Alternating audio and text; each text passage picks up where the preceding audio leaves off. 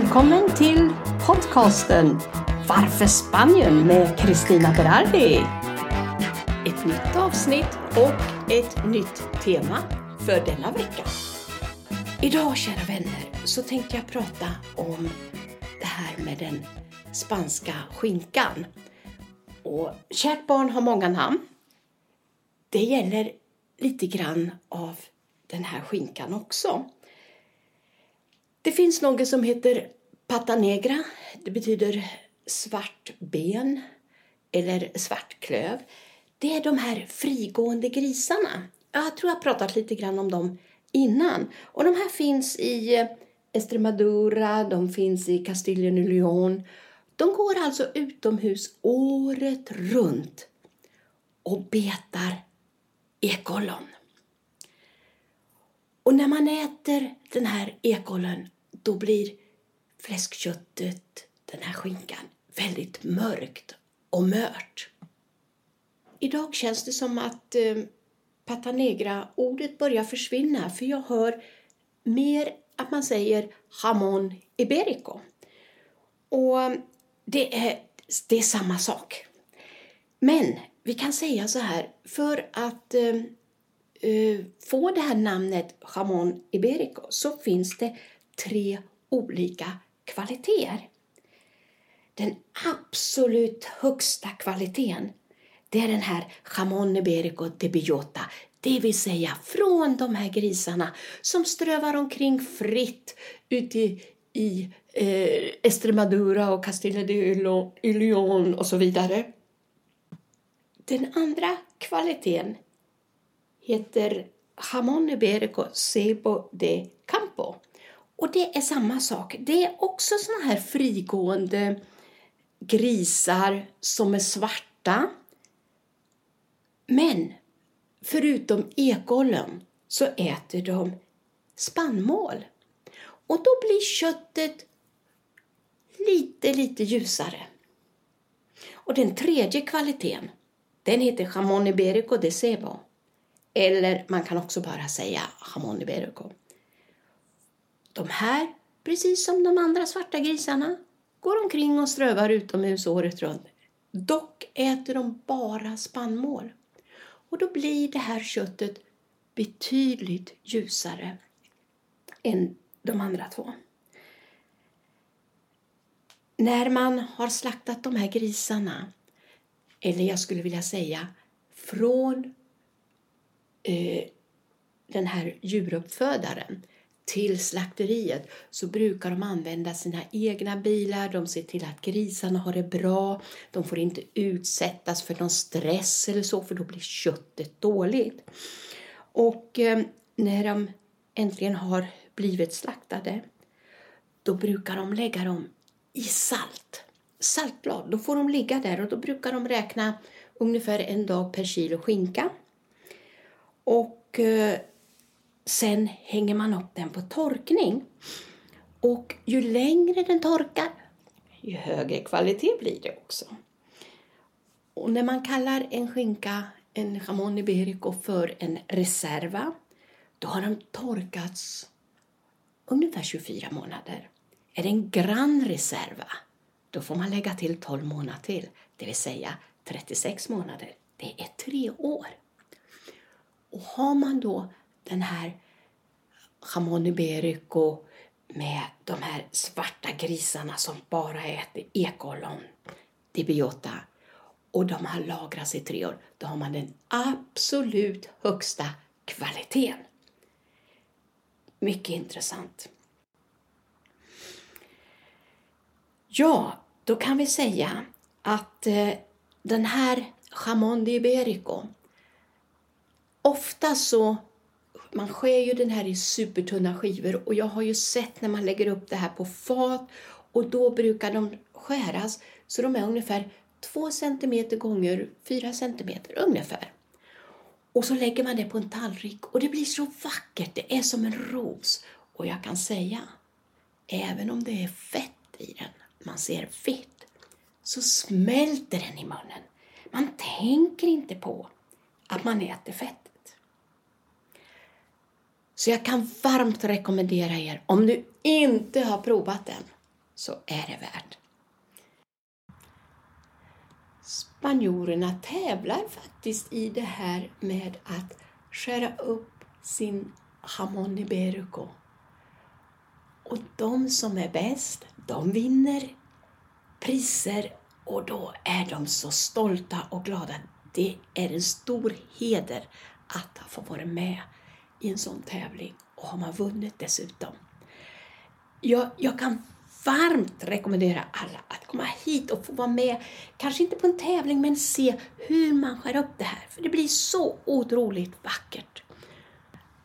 Man har gjort det till en konst. Jag kan också nämna att eh, eh matkulturerna är lite olika här i Spanien. Om man tänker sig det centrala Spanien, där du har Castilla y León, då hittar man förutom vackra städer så får man riktigt bra kött. Det är, det är klart de här grisarna går där. Och det man gör, man torkar kött. Man har det som en lång tradition och konst. Och då brukar man säga, om man är där, då måste man bara äta, inte bara det torkade köttet, utan även provsmaka.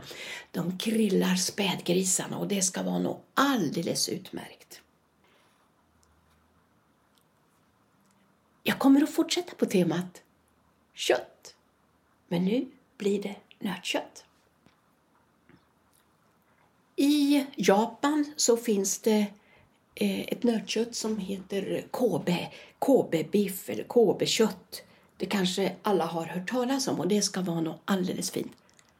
Det är från svarta kossor. Och eh, för mer än 15, ja det beror på, mellan 10 och 20 år sedan så var det en del som köpte in såna här hingstar från Japan. Och de köpte även en bryon för de ville utveckla den rasen till en spansk ras. Och flera stycken har lyckats. Det finns en hel del eh, sådana här kor som betar fritt året runt, runt Toledo. Och då får man det här wagyu-köttet. Det är klart det har tagit lång tid att få det här. De har mycket mark för att de ska beta. Djuren ska ha det lugnt, de ska ha bra mat, de har speciell, eh, speciellt grönt foder till de här för att öka kvaliteten. De odlas, man kan säga, allt det de får det är helt ekologiskt. Och eh, när, när de här går omkring och betar så vet vi att nötkreatur, ursäkta mig, nötkreaturen släpper ut ungefär 9% av gaserna som orsakar växthuseffekten. Men de här korna som betar omkring här, de har de jobbat fram exakt vilken mat de ska äta för att minska gaserna. Så de får mat, spannmål utan tillsatser. Och det gör att det smälter väl och går igenom magen. Och då blir det inte de här gaserna. Det är väldigt fantastiskt. Det här var en ny lärdom för mig faktiskt. Och då det här köttet blir alldeles utomordentligt mört och även hälsosamt. Då har man ju också miljöaspekten här. Och det är enormt höga krav på hanteringen av djuren, det vill säga djurens välbefinnande. Och man kontrollerar även köttets kvalitet kontinuerligt, förutom hur djuren har det. Och det här Precis som för de här svarta grisarna så tar man hand om djuren i egna fordon, tar dem till slakteriet. De som har hand om djuren hela tiden är med de här korna för att de inte ska drabbas av oro och stress och så vidare. Och Det här är för att köttet ska ha den här högsta kvaliteten. Så förutom att det är hälsosamt så smälter det här köttet också i munnen. Underbart! Vi hör ganska ofta från olika människor att eh, djuren får så mycket antibiotika i Spanien och att det här inte är bra för oss människor. Självklart är det inte bra för oss människor, men när det gäller de här högkvalitativa eh, köttsorterna, då garanterar de att som de har drivits fram finns inte spår av någon antibiotika. Och det är skönt att veta, så jag hoppas att det kan lägga sig, den här diskussionen, att det gäller inte allting i Spanien. Det varierar väl i Spanien precis som det gör i Sverige, Tyskland och England och var vi än är. Det finns högkvalitativa eh, köttproducenter utan eh, antibiotika. Vi som bor här i Spanien, vi känner oss väldigt privilegierade. För vi köper närodlat hela tiden. Vi har det i affärerna. Vi har det på våra marknader som finns olika dagar på olika platser här runt omkring. Och så har vi det här med, med djuren. Så vi känner att vi äter väldigt hälsosam kost. Ni kan bara tänka er att när man njuter det här köttet, njuter av de närodlade grönsakerna och så har man ett gott ekologiskt vin till det. Kan livet vara bättre? Då kan man njuta fullt ut. Ibland när man åker på vinprovning här så finns det ett uttryck man lär känna igen och det är den här maredache. Det är när man kombinerar vinet med maten. Och då ska de här två så att säga gifta sig med varandra. De ska passa alldeles utomordentligt med varandra. Och då har man det att de passar ihop, mat och vin.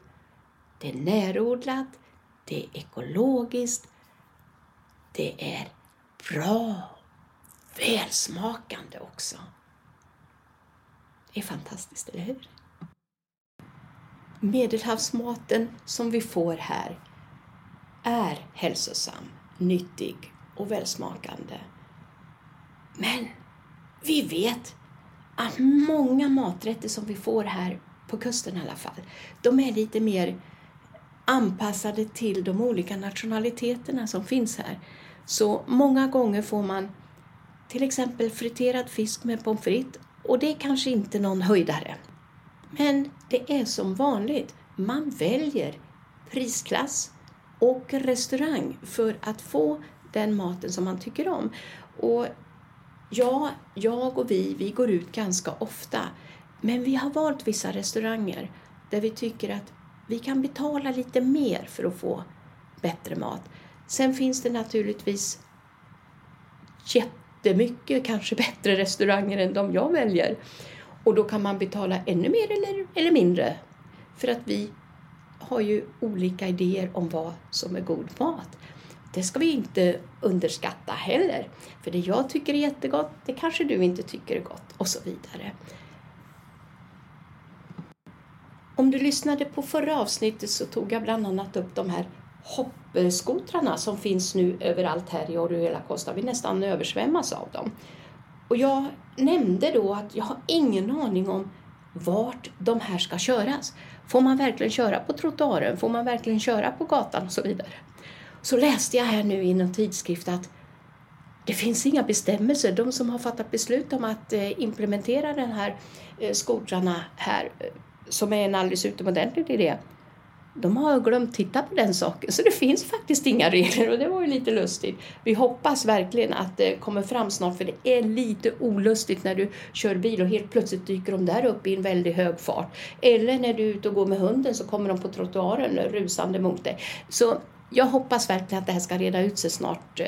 Det har inte hänt några olyckor ännu och eh, vi ser fram till att se vart får de här skotrarna köras egentligen.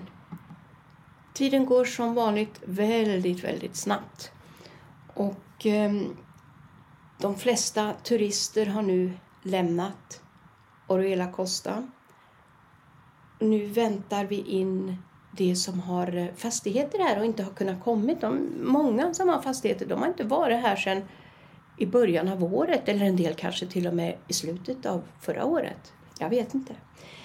Men eh, man märker på gatorna att eh, trafikintensiteten har gått ner. Det är lite lugnare, färre folk i urbanisationen. Det har aldrig varit någon trängsel i poolområdet här där jag bor. Och den är ännu mindre nu kan jag säga. Hittar man två, tre personer där en, en vacker dag, som vi har varje dag här, så, så är det inte fler. Och på ett sätt så är det ju skönt. Men jag tänker också på, om jag får återkoppla till dessa restauranger och barer och så, att de har det väldigt svettigt för att få överleva. Så att när vi är här, då, det enda vi kan göra det är att gå ut ibland och stödja dem helt enkelt. Vara där och äta. Och rekommendera dem om vi tycker de är bra. Här i Valenciana, där jag bor, så har man skärpt reglerna. Det har blivit lite mer restriktioner, men det är mer relaterat till kasinon och sådana saker. Så det gäller lika för dem som för diskotek och nattklubbar. De stänger klockan ett, ingen får gå in efter klockan 24.00. Det vi har haft nu sedan eh, ja, en månad tillbaka ungefär, det är restriktioner. Nej, det är inga restriktioner faktiskt. Det är en rekommendation att inte träffas mer än tio personer. Och rekommendationer, de är rekommendationer. Det betyder att träffas man på en familjeangelägenhet, 15 eller 20 personer, så begår man inget lagbrott. Men man måste eh, hålla distansen och eh, om det är människor som känner varandra då kanske man inte har munskydd om man är utomhus men annars så rekommenderas alltid om det eller att man som vanligt håller lite distans. Det ibland blir såna här regler och rekommendationer. Man blandar ihop dem och man gör en stor sak av det som kanske inte är en sak. Självklart så följer vi alla lagar här och vi vill ju inte bidra till att smittan ska föras vidare.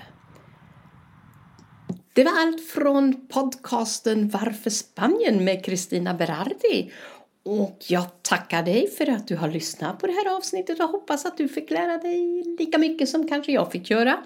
Och vi hörs igen nästa vecka. Tack och hej! Ha en riktigt skön helg!